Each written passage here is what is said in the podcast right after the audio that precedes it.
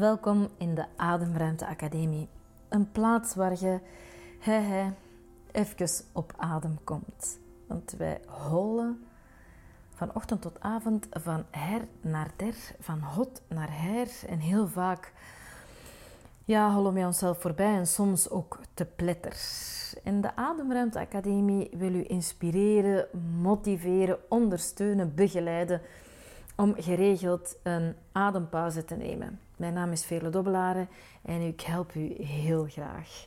Als je na het beluisteren van de podcast zegt, oh, ik heb wel goesting om wat meer uh, op adem te komen, wat ademsteun nodig, dan neem gerust een kijkje op onze website waar wij heel laagdrempelige, toegankelijke programma's aanbieden, want ik geloof dat ademruimte voor iedereen is.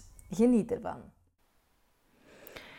Ik organiseerde met de Ademruimte Academie onlangs een webinar over emoties en hoe daarmee te leren omgaan. En um, ja, ik praat daar graag over. En niet alleen dat ik er graag over praat, maar ik vind het ook belangrijk. Ik, um, ik heb iets met emoties, het is te zeggen. Als acteur ben je natuurlijk constant bezig met emoties. Um, hoe ziet dat eruit, een emotie? En dan ontdekte dat boosheid, verdriet, um, angst verschillende gezichten heeft. Dat mensen dat op een verschillende manier vormgeven. Um, dat zie je in het gezicht, dat zie je in het lichaam. En je ziet ook wat mensen doen om emoties te verstoppen. En hoe dat er dan weer uitziet. En natuurlijk kan ik daar veel mee als coach. We zijn emotionele wezens en we hebben niet geleerd om daarmee om te gaan. Herkende dat? Is dat voor u ook lastig? Er schreven zich 522 mensen in in dat webinar. Dat is veel, dat is echt zot veel. En dat betekent dat 522 mensen zoiets hebben van ja, emoties, ik wil precies toch ook wat beter daarmee leren omgaan. Want nogmaals, we hebben het niet geleerd. Kijk eens wat uw voorbeelden waren. Uw papa, uw mama, uw tante, uw onkel, uw buren, uw leerkrachten. En hoe gingen die om met emoties? Um, lieten die dat zien of net niet? En waar werd je als kind voor beloond? Waarschijnlijk zoals velen onder ons, om sterk en flink te zijn. In mijn webinars hou ik altijd een poll. Hoe gaat er nu mee om? Uh, wat is er moeilijk? Wat is er makkelijk?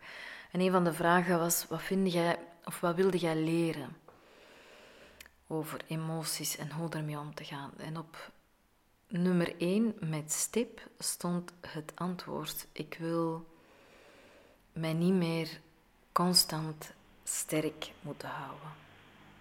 Flink moeten zijn, sterk moeten zijn. Get over it is nu nog niet voorbij, want we geven daar een houdbaarheidsdatum aan, aan emoties. Je mag trouwen, maar zo lang. Mm, en zoveel. En als het te lang duurt, you gotta get over it. Of je moet het loslaten, of zit er nog weer dit of dat over. En natuurlijk, in wezen klopt dat. Als je te lang in iets blijft hangen, dan is dat lastig, dat kost u wat.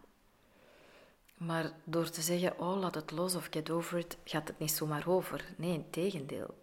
The only way out is true.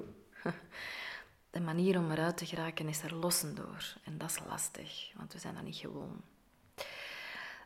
Ik wil graag een anekdote uh, over mijn eigen leven met u delen. Ik was 16 jaar en uh, ja, ik was een puber. En zoals iedere puber had ik last van mijn hormonen. En bij mij uitte zich dat in te pas en vooral te onpas wenen.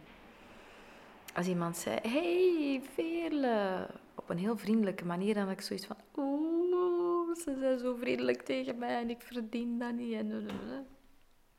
En als iemand dan een beetje harder was, dan weende ik ook. Want oh, ze houden niet van me. Ze vinden me geen toffe. Ik hoor er niet bij.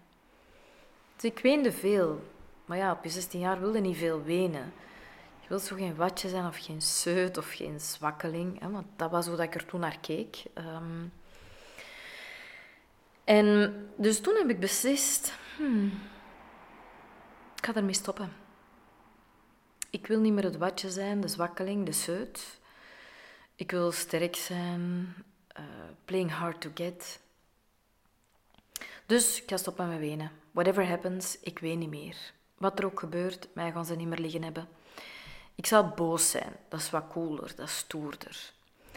Dus werd ik vanaf dan veel makkelijker boos.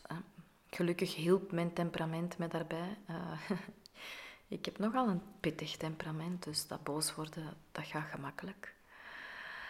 Um, en toen ik dan later, zelfs op momenten dat mijn mama uh, gestorven was, dan vond ik het nog moeilijk om te wenen, hoewel ik wel al in therapie was geweest. Maar dat kostte mij toch nog wel wat moeite. Mijn dochter zei dan op een gegeven moment: Mama weent zonder tranen. Dat vond ik heel mooi.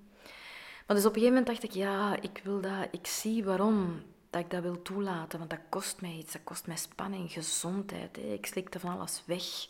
En dan kwam het er op andere momenten zo poenk ergens uit waar je van dacht: huh, waar komt dat ineens vandaan? Dat herken je misschien ook wel. Maar ik durf niet wenen, omdat ik dacht: als ik nu begin, dan ween ik voor de volgende drie jaar. Dus ik heb mezelf dat zachtjes aan terug moeten leren. Ah ja, ween is een beetje. Of, ah, zie het, als ik nu ween, dan kan ik ook nog wel best stoppen. Dus, um, ik heb dan gelukkig mezelf ontslaan van zo sterk en flink te moeten zijn.